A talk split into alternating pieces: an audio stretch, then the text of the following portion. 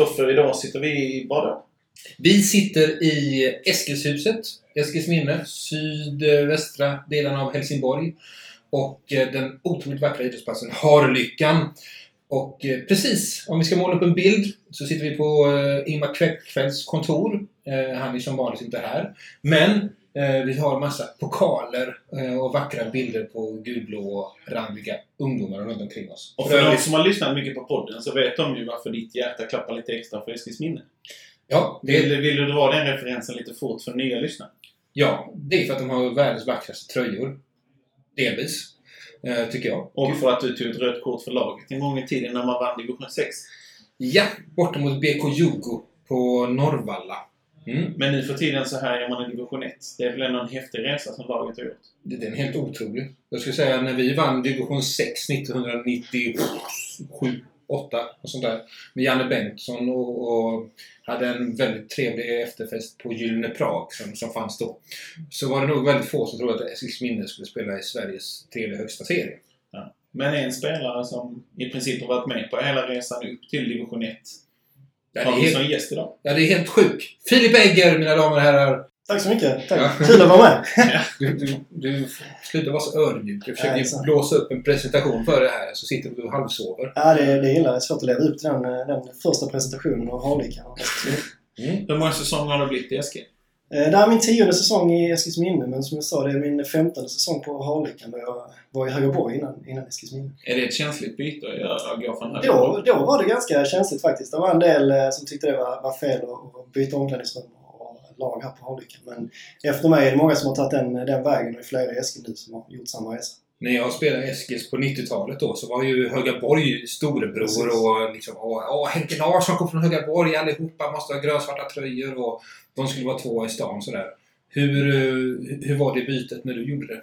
Det var det var lite samma när jag, eh, när jag började i Högaborg så var det den gamla division 2, det som motsvarar division 1 nu. Och det var ju legendarer som eh, Magnus Thorvaldsson och Dajan Pavlovic som i alla fall är lokala kändisar. Ja, ja. Precis. Och, eh, sen så tappar man ju lite. Eh, när man gjorde om det här med serieuppdelningen så tappar man egentligen två divisioner och trillade ur den division 2 där. Så det blev en liten omstart och med takt med det så kom, kom Eskil ikapp här på Harlika. har ju både kommit ikapp och gått om med stora mått mätt. Det är ju Skånes största ungdomsförening också vill jag minnas. Ja, men precis. Och det är, Eskil har alltid varit duktiga på, på ungdomsverksamheten och det är någonting man har lagt eh, stor vikt vid. Eh, och man har inte haft ett representationslag tidigare på, på den nivån så, som vi har nu. Så att, eh, det är klart att eh, när man har båda de delarna så är man ju en stor klubb. Det syns väl också i er trupp just med egna produkter.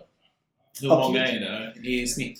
Oh, det vet jag faktiskt inte. Men det, det kommer ju fler och fler. Det är också ett tecken på att ungdomsverksamheten håller på att komma ikapp ordentligt så att vi kan plocka upp eh, fler och fler spelare som, som gör bra ifrån sig i, i seniorsammanhang nu. Vi har ju flera som har spelat mycket med framförallt kanske Dennis Olsson eh, senaste tiden nu som har visat framfötterna. Jag tror ju, får bara skjuta in här, eh, att jag tror Eskilsminne är eh, nästa allsvenska förening från Helsingborg. För, och då tänker jag faktiskt på damsidan. Mm.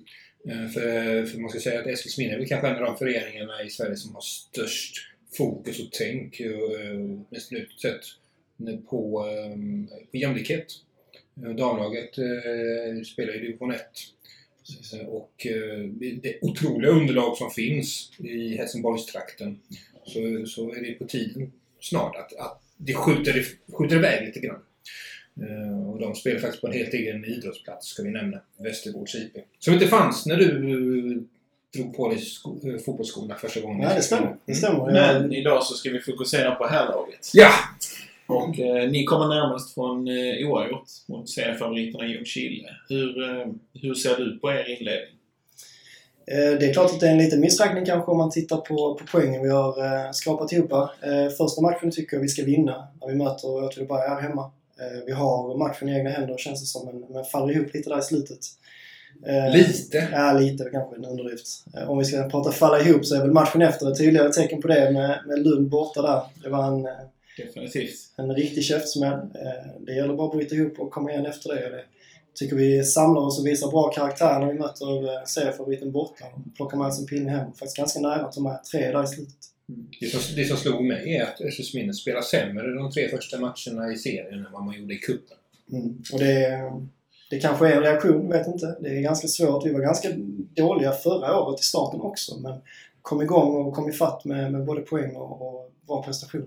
Just att spela kuppen med för ett division 1-lag i det här. Jag tror att elitklubbarna som startar en vecka tidigare påverkas inte lika hårt av det som en division 1-klubb gör. Man har en försäsong som förkortas. Mm. Man spelar tre matcher. Ni gör dessutom tre bra matcher mot kvalificerat motstånd.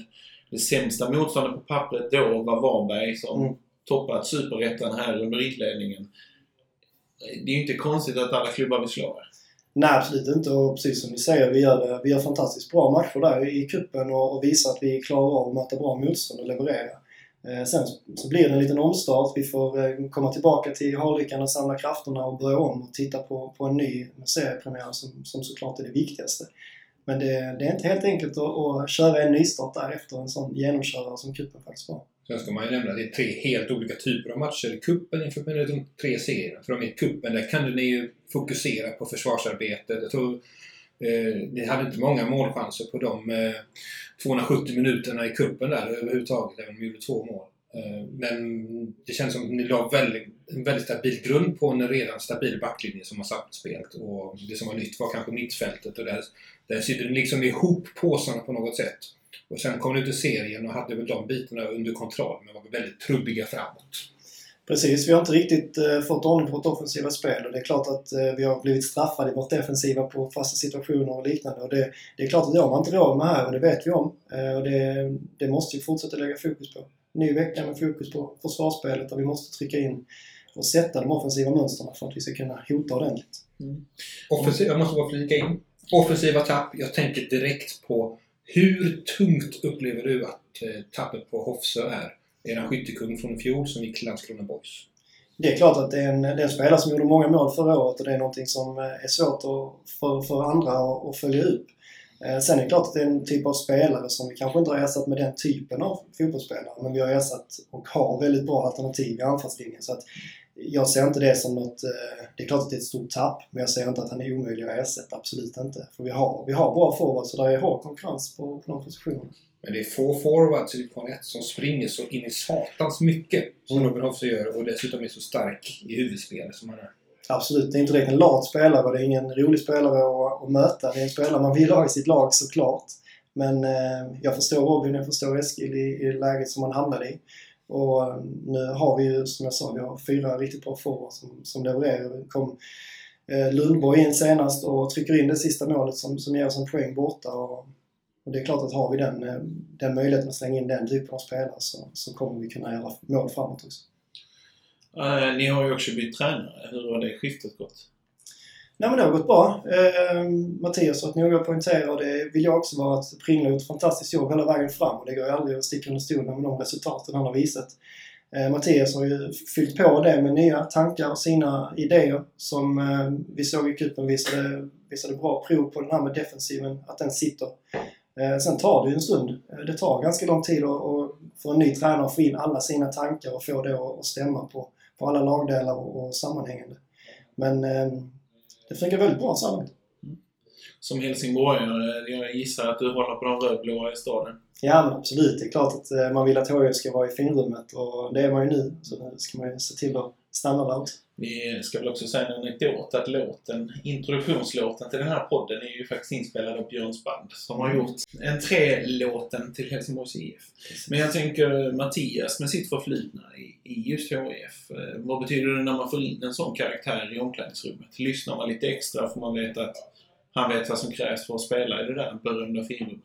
Ja men absolut. Mattias har ju hela hans spelsätt och karaktär på planen var ju väldigt tydlig med det hårda jobbet och, och göra det tillsammans. Och det är något som passar Eskil väldigt bra. Och det är någonting han har verkligen ställt krav på. Att om man inte springer så spelar man inte. Och det, det måste man förstå att eh, fotboll går ut på hårt jobb och, och att gemensamt gå mot samma mål.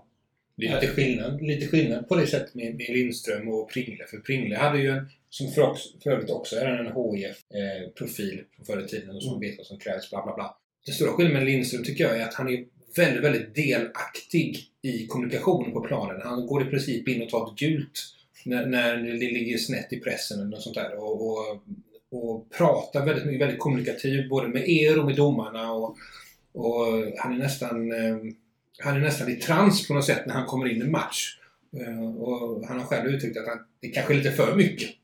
Eh, tycker du att, att vad föredrar du som spelare? En tränare som är som Pringle, lite mer fokuserad på detaljer i det egna laget? Eller, eller en tränare som är jag ska säga, mer brittisk i stilen och skriker på allting. Liksom, det blåser motvind så har han en åsikt om det. Eh, och det är 50-50 motlägg så har, vinner ni alltid dem. Eh, enligt hans sätt att se det och, och sådär. Och om det är någon spelare som inte tar en löpning så kan han ha en sarkastisk kommentar liksom, så det hörs hela vägen till, till eh, Mariastaden.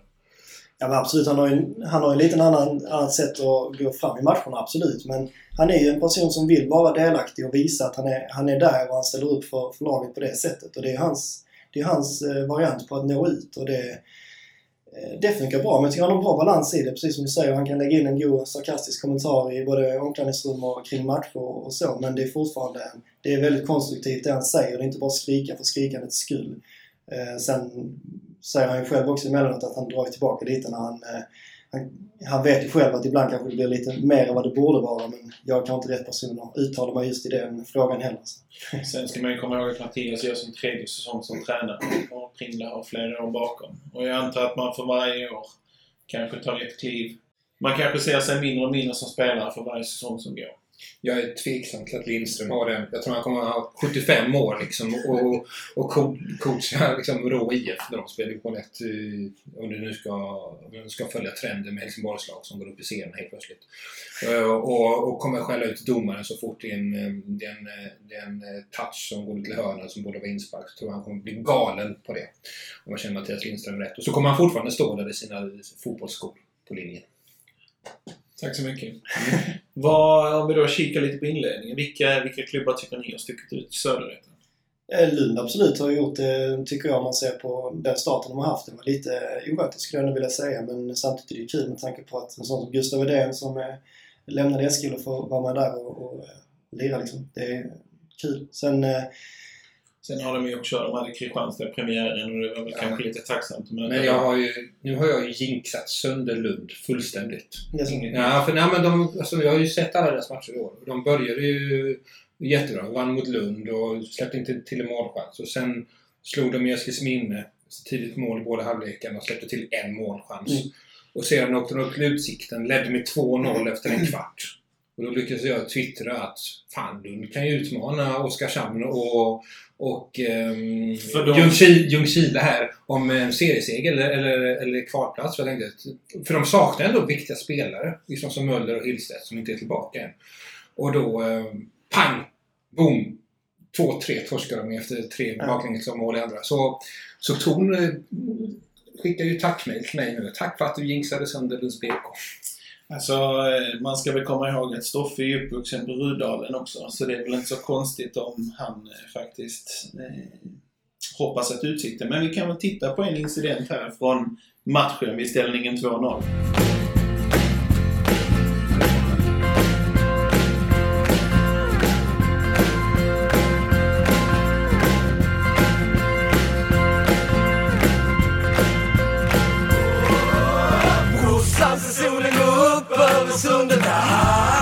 Ställningen var eh, 2-0 till Lunds BK när detta...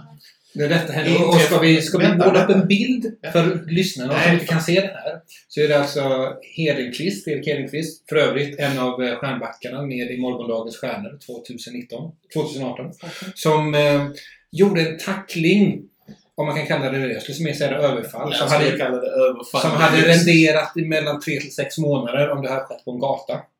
Ehm, eh, och efter det så, jag vet inte vad som hände med Lunds BK efter det, men eh, de rasade ihop. Och konfronterar ju av naturliga skäl. Han håller ju på att bryta båda benen i den satsningen. Så han går ju på och frågar vad fan gör du? Och de vräker Arvin Shohei ner han med ett eh, svartbältat judokast. Okej. Men om vi då ställer en fråga. Stoffe, hur många röda kort tycker du ska delas ut i den här situationen? Eller hur många kort tycker du ska delas ut? Jag tycker det ska delas ut eh, tre kort. Ett rött för satsningen, som både är sen och för kraftfull. Eh, jag tycker det ska delas ut gult på Rindmo för reaktionen. Och gult på, på eh, Utsiktens spelare. Shohei, som, som knuffar. Eh, ja, det är de två senare jag är helt övertygad om. Det röda kan man diskutera lite mer. Men ja, Hade, hade det varit handboll så hade det varit blått och svart och regnbågsfärgat. Den är lite snett bakifrån. Den är, den är riktigt ful faktiskt. Och sen. Ja, jag Och, och just det här att man... Ja, går du in i en situation, även om du äter på bollen, men du gör det för kraftfullt. Men då, då ska vi tillägga att det delas ut noll röda kort av domaren. Okej. Det delas inte ut överhuvudtaget. Han bara stävjar istället. Eh, och det är väl klart att en sån grej någonstans sätter sig i huvudet också. Då tillåter du ju ett fysiskt spel som inte hör hemma på fotboll. Ja, det stänger förmodligen matchen ifall man har en 2-0-ledning och dessutom är man med. Så Ja, det, är hade ju, matchen färdig där. det hade kunnat påverka utgången av matchen. Det, det vågar jag påstå. Men nu sitter Filip Egge som Mr Burns i Seinfeld och tänker åh, den domaren vill jag ha i mina matcher. Då kan jag gå in i mina satsningar som vanligt. Utan att det blir en massa böter till lagkassan.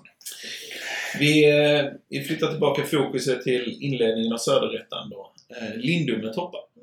Ja, men det är väl ganska klassiskt. Man, eh, vi, eh, vi som nykomling också, det var många nykomlingar förra året som var bra på våren. Det, det är ganska klassiskt. Man har inte så bra koll. Man är uppe i en ny serie och man rullar på sitt, sitt spel som, som har funkat bra när man har vunnit en serie. Mm. Så att det är inte jätteoväntat, men oftast, ska vi säga, så eh, tappar man eh, under hösten. Sen- det är alltid någon nykomling som hickar upp sådär. Sen får vi Ja. se hur länge de följer. Vi ska ju samtidigt nämna att lag som både Syriska och Troll- Trollhättan har ju fortfarande vunnit den. Eh, Deras tränare sa ju till Mattias Lindström på upptaktsträffen att eh, vi har alltid haft ett helvete med Samuel Aziz när vi har mött han nere på Harlyckan.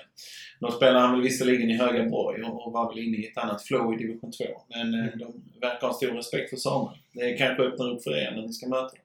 Ja, men absolut. Vi har, men som jag sa, vi har många bra spelare och eh, Aziz är en av dem som har kommit in med, med rutin eh, som, som vi klart kommer att ha nytta av. Eh, det är en löpstark spelare som, som alltid hotar så att i kombinationen med, med det laget vi har nu så, så känns det som att han absolut kan hota både Lindom och alla andra lag också. Åtvidaberg som ni mötte premiären släpar strax bakom. De hade väl, jag tyckte jag läste i korren, tror jag det var, där Ja, Rickard Johansson sa att det var... Det var ett rån. Vi borde haft rånarluvorna med oss. Jag skickade, Ja. ja, jag, jag skickade ett sms till honom. Grattis till rånet. Eh, hade det varit civilt så hade du fått liksom villkorlig dom. Eh, för det var ju verkligen, vad hade ton, vad hade, vad hade, vad hade de för, många målchanser hade Åtvidaberg? En och gjorde två mål. Ja, exakt. Ja. Det måste ju, om, om du nu skickar eller får syrliga sms från Tornvibbar. Mm. Skickade du ett syrligt sms då att man Lunds BK fostrar spelare som avgör matchen? Eh, det har jag missat, men så fort den här podden är klar så... Dada Mustafa, han är ju Mm. faktiskt fostrad och gått hela vägen upp till Lunds BKs A-lag innan han prövade vingarna. Och Dardan är ju otroligt viktig för Åtvidaberg, ska vi säga. Det hela deras anfallsspel cirkulerar kring honom. Men det är en annan historia. Jag tror han var lycklig. Strax bakom eh, Åtvidaberg finns Landskrona Boys Mm. som eh, någonstans var tippade ungefär i samma skikt som er. Mm. Fyra, femma någonting. Som alltjämt är obesegrade. Jag måste säga, ur mitt perspektiv så är Landskrona Boys nästan en av de mest positiva överraskningarna. För jag hade faktiskt placerat dem betydligt längre ner i tabellen med tanke på det, de otroliga tunga tapp de hade och att de har ersatt väldigt mycket av de spelarna med spelare som kommer från division 2 och 3.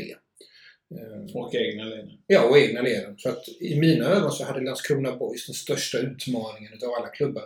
Och jag är fortfarande inte övertygad om att, ja, att de faktiskt hamnar på övre halvan hela säsongen är klar.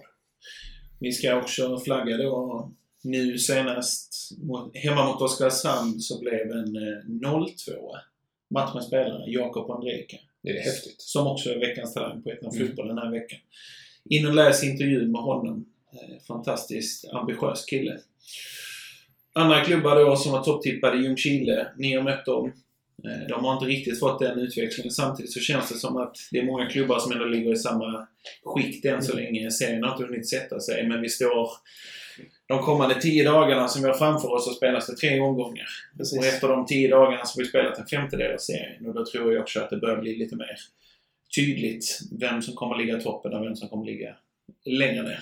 Ja, men det tror jag absolut och jag är övertygad om att Ljungskile kommer vara med där. Det är ett stabilt lag som jag tycker påminner ganska mycket i organisation om Mjällby när man vann serien. Eh, De är stabila och de har eh, kvaliteter i alla lagdelar och kommer vara med där. Eh, De är tuffa att möta. Och de har en plånbok som inte andra föreningar har. Precis. Jag tänkte, jag går inte in på den men den är klart, Nej, men klart det- att den är tydlig i jämförelse med, med många andra klubbar. Jag vågar väl påstå att jag tror att Eskilsminne har en större plånbok än Ljungskile. Ja, det är möjligt att de har, men inte en A-lagsbudget. Men Precis. att man väljer att prioritera förening framför A-lag. Mm. Och att man ger A-laget den budgeten som man behöver för att driva en verksamhet. Det är det som är det häftiga med Eskilsminne. De hade i princip kunnat värva hela Helsingborgs lag förmodligen och avlöna dem några år. eh, Och springa hem med den här serien och kanske Superettan också. Men det är liksom inte någonting som Eskilsminne eh, står för. Utan de har ju fokus på helt andra saker. Jag vet ingen annan förening som har så många sociala eh, engagemang som Eskilsminne. Kanske därav eh, Ingmar Sjöfeldts kontor är tomt också. Exakt, han är ute och träffar kunder. Eh, Oskarshamn är en av dina favoritklubbar vill jag minnas från mötet här hemma. Du älskar deras målvakt ju. Ja, det var väl en eh, överdrift kanske. Men eh, såklart, när vi mötte Oskarshamn här var det en eh, oerhört viktig match. Det kan ha varit den matchen som avgjorde utgången av serien, skulle jag vilja påstå. Vi ska ju måla upp bilden att eh, båda de två lagen hade ju chansen på Precis. eh, Kvalplats. kvalplatsen bakom Mjällby. Ja. Mm, ni var tvungna att vinna. Och han maskade i slutspelet. Ja, han var, ja och det, det är ju en klassisk liksom. Man vet själv att man har gjort precis samma sak i, i den situationen men det är lite förbannat eh, tungt att vara på den andra sidan när det händer. Nej, det är sådana uppenbara maskningar också. Ungefär Ja. som eh, de här målvakterna som drar upp sina egna skosnören. Och han, är, han var ju supermedveten om det och som sagt i efterhand så klandrar man inte direkt honom men där och då så var man inte supernöjd. Eh, Jag tyckte mest när Lindström sa att du var så vältalig, vilket uppenbart känns som, så sa jag du stod nog inte där jag stod på Harlyckan i höstas. Nej. Nej, det var de föräldrarna som var där liksom runt, runt, eh, runt Oskarshamns målvakt. Liksom. De, eh, de höll sina barn för öronen och så åkte de till Werners köpcentrum istället. Tänk inte på vad Filip Egge sa, lille Kalle. Här, vill du ha McDonalds mat? Jag kanske inte ska överdriva det helt och hållet kanske men nej, det är klart att det är, det är ett par eh, ordväxlingar i, i matcherna. Ordväxlingar, alltså de elakaste Somaliapiraterna hade rodnat om de hörde vad du sa. Ja, om vi då, vem, vem är värst på att snacka skit på planen i ert lag? Ja, jag tänkte inte gå in på några individer, men det är klart att det är, det är många situationer i, i matcherna rakt igenom i, i alla lag. Det är ingen som är bättre Hur annan. upp på listan kommer Unkurin? Unke, Ska jag slänga min egen svåger framför bussen här nu? Det är det ni är ute? Dessutom i paddelpartner. Ja, precis. Ja, han är väl inte Guds bästa barn, men han är rätt så... Han är smart, kan man säga så. Pluggar Malmö. Precis. Fiendeland. Eh, om vi då riktar fokus mot dig Filip. Kan inte du liksom... När började du spela fotboll?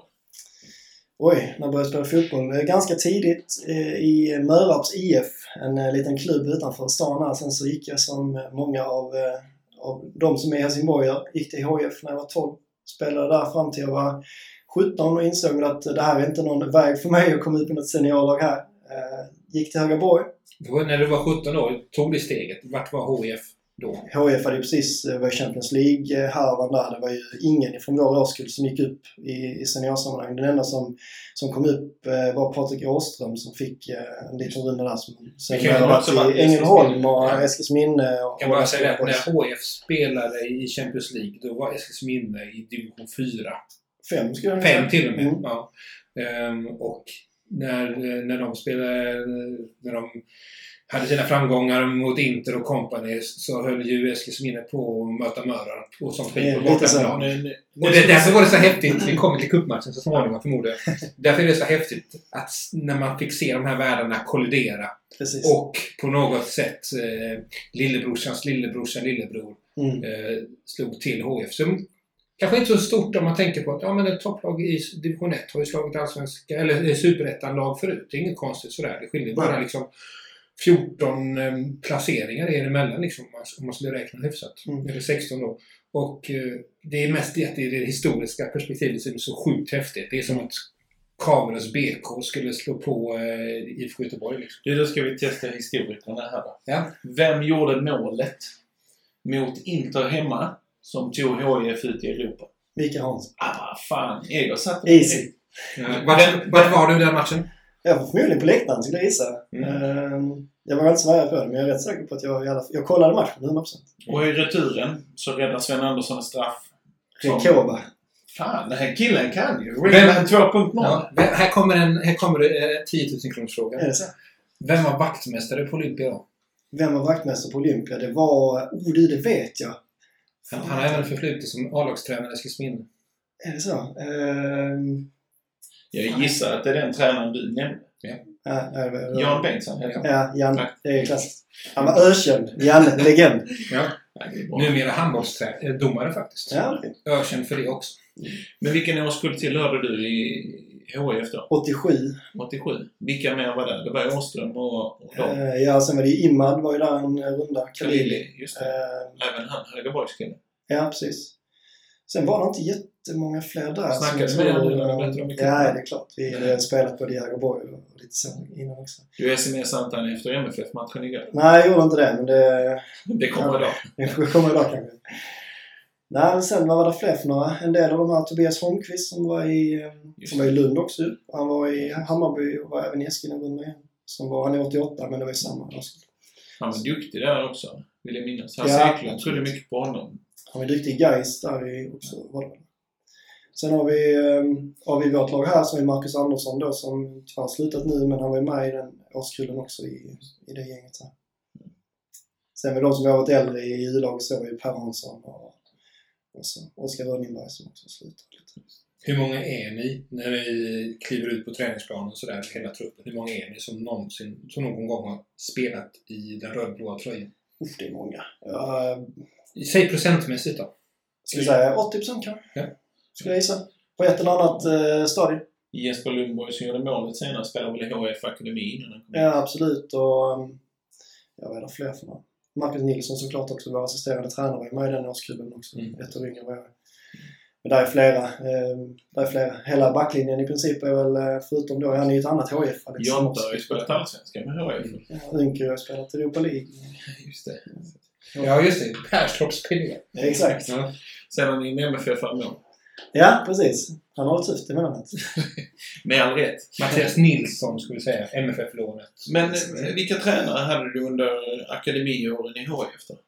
För en häftig grej är ändå om man tittar vilka, vilka tränare som ändå har varit. då. Jörgen Lennartsson, har Ja. Peter Gerhardsson, har Ja. Hasse Eklund. Det är många Precis. tränare som har varit ungdomstränare i Helsingborgs IF och som Mm. senare har blivit elittränare. Ja, de var ju där i olika omgångar när, när jag också var i HF och sen eh, hade vi då Ronny Elgström, också gammal eh, klassisk eh, tränare som varit med där.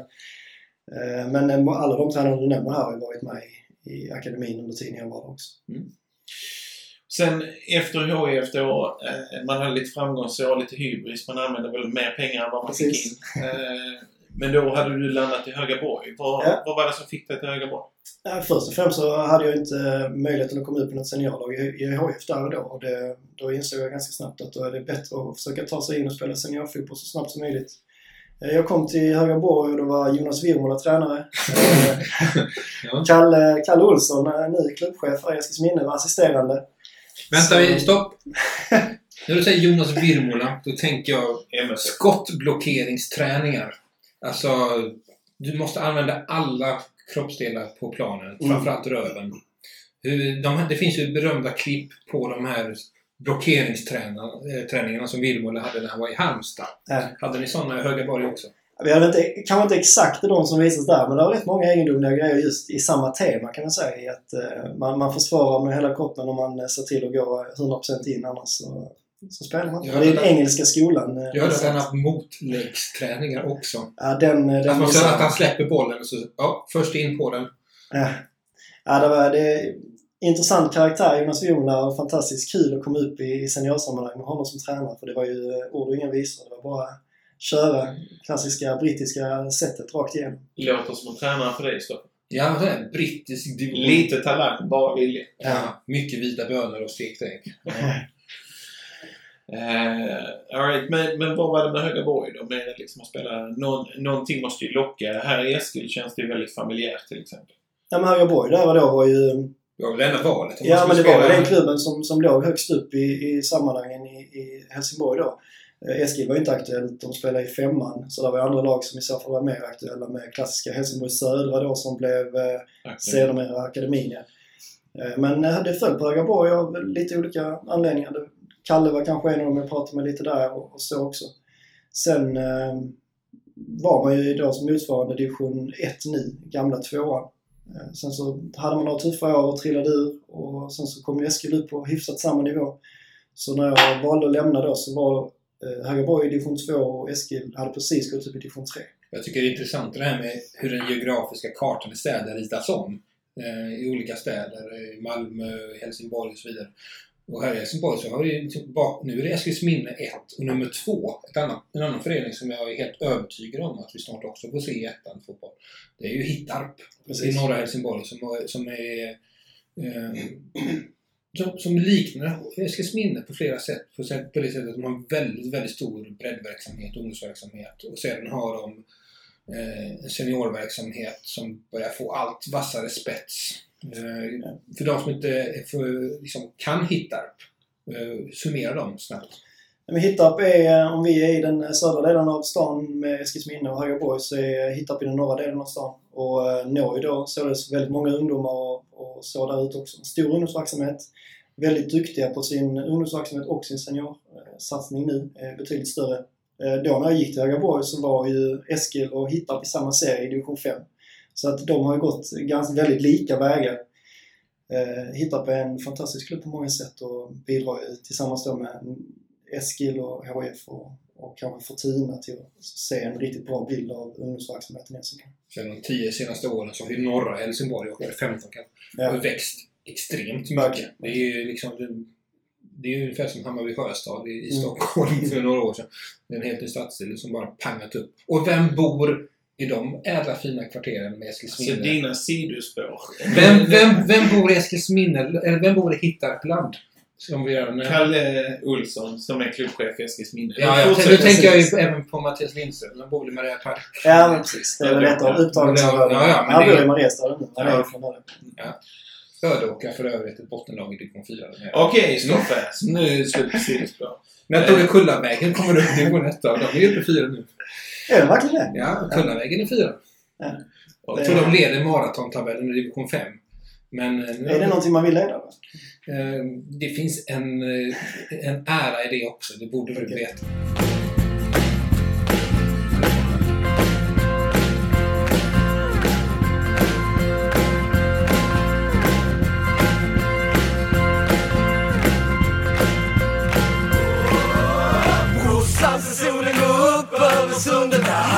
Filip, du har väl varit med om tre stycken seriesegrar så du kom till Eskil Precis. Vilken minns du bäst?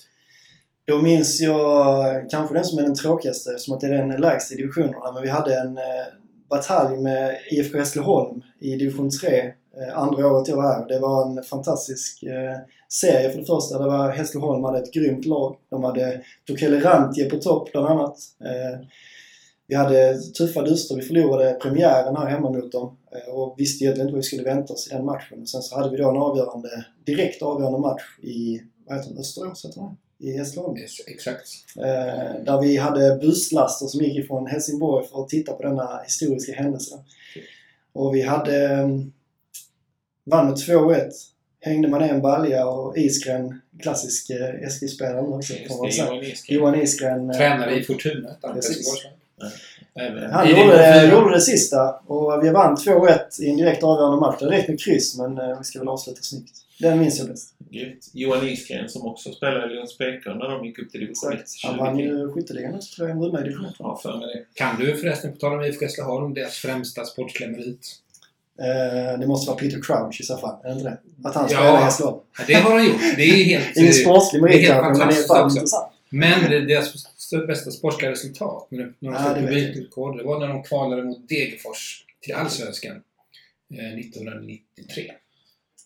Okej. Okay. Fan, det är en sån historiepodd, tror jag. Ja, eh, ja det går inte för Degerfors är inte så bildat. Men du och jag Egil kan ja, det känns som en Storytel mot förmodan lyssnar på det här så söker Kristoffer uppdrag som storyteller. Ja. ja.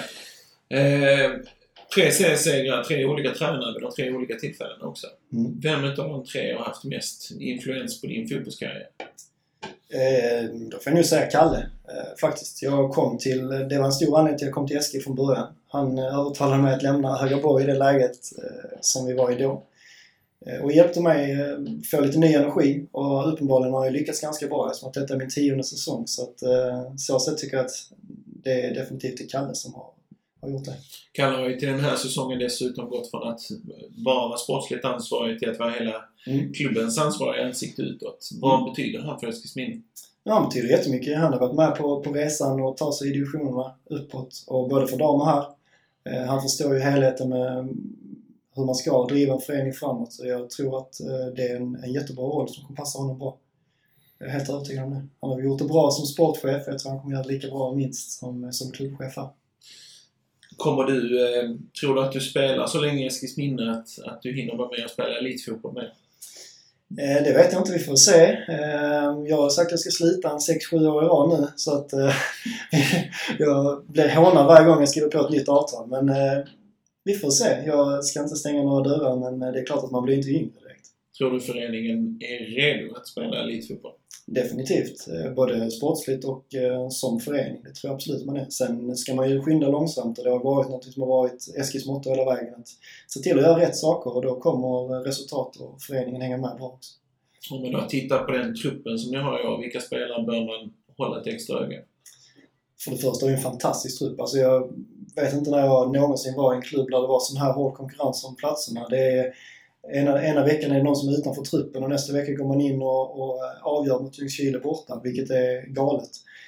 Eh, Och tittar man på det laget... Jesper med på bänken mot Lund, vill du minnas? Ja, det? jo precis. Det var han absolut. Men Men det, det är det jag menar. Det, det, är väldigt, det är väldigt hård konkurrens och det, det måste vara ett angenämt problem såklart för Mattias Lindström. Men att ta ut detta, denna truppen och detta laget, det är jättesvårt. Vi hade ett, eh, mötte Falkenberg i en eh, match efter eh, reservlagsmatch där vi ställde upp ett lag som mycket väl förra året kunde startat, eller även i år, kan starta. Eh, Och det, det är rätt häftigt. Där Isak Pettersson också gjorde avtryck. Yttermittfältaren som Absolut. gjorde 22 mål i division 2 Ja. förra året. Och han visar ju på träningarna vecka efter vecka här att han kommer att bli nyttig för oss i en, en säsong som är lång. Mm. En kraftfull spelare och absolut ska vi hålla ett öga på honom. Jag tycker ju Niklas Jönsson är en fantastisk fotbollsspelare. Bra nyförvärv. Eh, verkligen. Jätte, jättefina fötter och varje gång man tror han ska tappa bollen så är han där med ett ben och fångar in den igen och, och kommer vinnande ur eh, situationerna. Så det är väl eh, framförallt de kanske. Sen har vi spelare som vi alltid ska hålla öga på i både vår backlinje är väldigt stabil och Emil har gjort sina mål och kommer säkerligen fortsätta göra det. Sen är det väl inga talanger såklart. Det är ett intressant lag. Vem, eh, vem är snackigast i truppen? Uff, han sitter nog här framför jag tror jag. Eh, det är här man får utlopp i omklädningsrummet. Nej men eh, det, det är väldigt blandat. Vi har en, eh, vi har en bra öppen stämning i omklädningsrummet. Det är många som tar plats, ingen som tar över. Det, det är kul med sådana som Alex Simowski som kommer in och, eh, och tar lite plats också. Även som ny, att han får möjligheten att göra det. Och det är kul. Det ska han få. bra vänsterback också. Ja, väldigt, väldigt fin fotbollsspelare. När, eh, när bussen är packad efter en bortamatch och alla vill åka hem, vem är det man väntar på? Unkry. Unker. Mm. Det är den där Kommer jävla svågern igen alltså. Ja, kommer med sin necessär sist av alla och trillar in i, i bussen. Det är vad- som Gucci-necessär också. Ja, det är det förmodligen. Är det, är det skägget han ska borsta eller? Jag vet inte vad det är. Han är bara, han är bara långsam. Han passar bättre i flätor än korthårat nu. Tycker du? Ja. Han är en sån här långhårig patchwork slacker. Ja. Slacker. Ja, det är bra. Vad, vad vill du veta om årets Eskilsminne? Jag vill veta när man får igång målskyttet, eh, eller målproduktionen. Ehm, det kommer bli avgörande om man är på övre halvan eller nedre halvan. För den här serien är så pass jämn. Eh, och eh, jag tycker inte Eskilsminne har, har skapat tillräckligt mycket framåt. Man, man, är, man har ett otroligt bra mittbackslås i Olsson och Wahlstedt. Man, man har de kreativa krafterna på mitten men men den självklarheten som finns i sista tredjedelen finns den inte. När, när sitter den?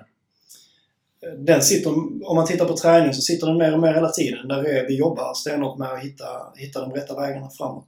Och de finns där. Det är bara det att det ska klicka mellan lagdelarna och klicka i, mellan spelarna.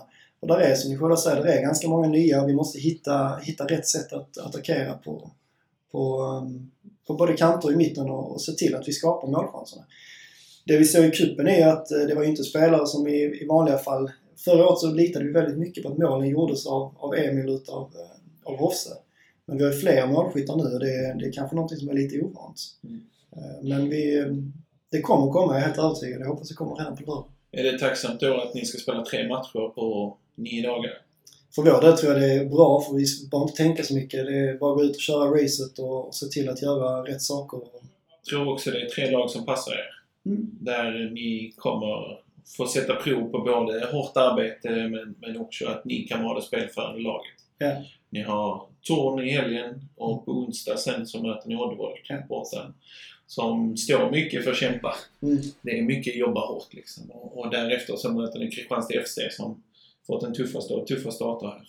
Ja. Eh, och som kanske riskerar att bli lite utav en slagpåse under vårsäsongen. Jag tror inte, det det är för tidigt att säga om någon kommer bli slagpåse tror jag, men det, det är klart att som det ser ut nu så har det inte varit någon jättebra start. Och vi vet att vi kommer behöva lägga ett, ett hårt jobb, det kommer vi behöva göra varje match, men vi måste också sätta de här taktiska och, och tekniska grejerna framåt. För att det är mycket det det har varit. Det är för mycket tekniska misstag, lite för slarvigt i det offensiva spelet, felbeslut och sådana grejer kommer, kommer ju komma efterhand, men de får inte, får inte dröja för länge. Mm. Vad, vad har ni själva för förväntningar på säsongen? Folk målar ju upp er som ett förmodat topplag och det är väl inte konstigt eftersom det gick bra under förra året. Nej, absolut. Sen vet ju alla att det andra året är alltid det tuffaste. Eh, det, det ska man ha med sig. Och vi, vi går ju alltid in med att vi ska vinna varje match och det kommer vi göra. Det gjorde vi i cupen också fast det var Hammarby på, på andra sidan. Och det kommer vi göra i, i division 1 också. Och vi siktar ju alltid på att bli, bli bättre än förra året och det är någonting vi, vi vill bli. Men då krävs, precis som jag sa, det krävs att eh, all, allting klaffar och att eh, det hårda jobbet och te- taktiska och tekniska sitter. Men på pappret så har ni ju ändå en av de bättre trupperna jag ser. Absolut, det tycker jag. Jag tycker vi har en fantastisk trupp. Men det, det ska också funka i, på planen och då, då är inte pappret viktigt. Vad tror Stoffe då? Vad är, det, vad är det för rimliga förväntningar att sätta på Eskilsminna NO 2019? Jag satt och tänkte på det nu när du pratade om de här tre matcherna som de har nu mot Torn, Oddevold och Kristianstad. Jag tror inte de tar mer än tre poäng där. Tror du inte? Nej, jag tror inte det. Jag tror att de... eh, Jag tror Torn inte alls passar Eskilsminne. Eh, Jag tror att Torn kan ligga och kontraslå eh, och, och tajta till nu. De tappar en, en, en given seger nu senast mot Åtvidaberg. De kommer vara otroligt laddade. Jag tror det kommer bli jobbigt för Eskilsminne att föra den matchen och, och samtidigt producera minst två mål som kommer krävas för att vinna den matchen. Sen tror jag att, att Oddevold är en sån typisk match där de kan göra en Ljungskile-inställning, eh, komma upp, kriga som grisar, få med sig en poäng. Och Kristianstad ska de bara slå. Alltså, Det blir fyra, du sa tre poäng. Ja, fyra poäng ja, Fan, du, jag fick en tvåa i matte jag, på jag, gott uppförande. jag tänker så här att eh, ni mötte Torns IF på försäsongen. Anton Kinnander har gått Eskilsminne. Torn inte helt oväntat att det är han som gör 1-0 målet och Torn vinner på försäsongen. Nu har vi klivit in i serien. Ni har inte fått den starten som ni förväntade er. Det har inte Torn heller, men jag tror att er revanschlusta är ännu större. Och jag tror att det finns lite som du säger att Funkar det inte så har ni ändå spelare som sitter på bänken som kan gå in och förändra en matchbild. Och det tror jag kommer vara en nyckelfaktor i de här matcherna. Så jag, jag tror att ni tar 9 poäng på tre. Du tappade mig vid försäsong Jimmy och jag vet, du tappade mig när du öppnade munnen eh, i ett sammanhang som har med tippning att göra. Jag tror, jag, om vi ska sammanfatta det så tror jag att Eskils minne är höstens lag. Historiskt har ju varit höstens lag egentligen eh, alltid. Vi har ju varit bra på hösten, förutom när vi trillade ur division 1, för då var ju kanon på våren och usla på hösten.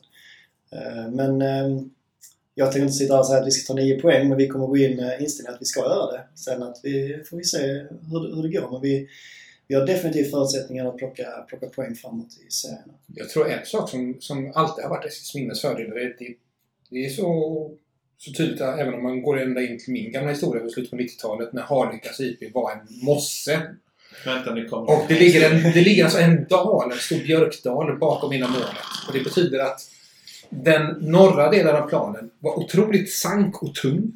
Men Harlikas plan är lite tyngre på hösten många andra planer. Fram, framförallt eh, plastamögsplanerna, men även eh, de här knastertorra eh, planerna som, stång, som finns i Stångby, som Torn har. Det är ju en av divisionens hårdaste planer förmodligen att spela på. Den ligger så otroligt öppet. Eran plan ligger i en, ja, i en, moss, i en mosse eh, som är omlagd och nu mycket bättre. Men när det kommer till tungsprungen höst och eh, ett Eskilsminne som kämpar och sliter som grisar, då tror jag att ni kommer bli otroligt eh, effektiva. Du Stoffe, jag har en dotter som fyller 10 i augusti och hon är också jätteduktig på långa utlägg. Så vi har börjat med ett timglas hemma.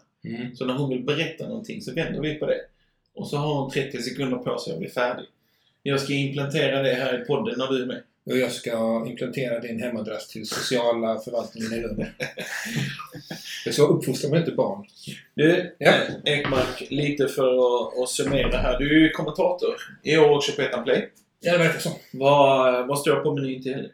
då står ju Eskilsminne mot Torn. Ah, Ja. gött. Då kan vi väl någonstans bryta ner den matchen. Vad, vad tror du vi kan vänta oss för matchbild? Jag tror det kommer vara målsnålt. Jag tror det, det eh, Eh, Torn kommer att fokusera på små detaljer i sitt försvarsspel eh, där, det inte fungerade senast.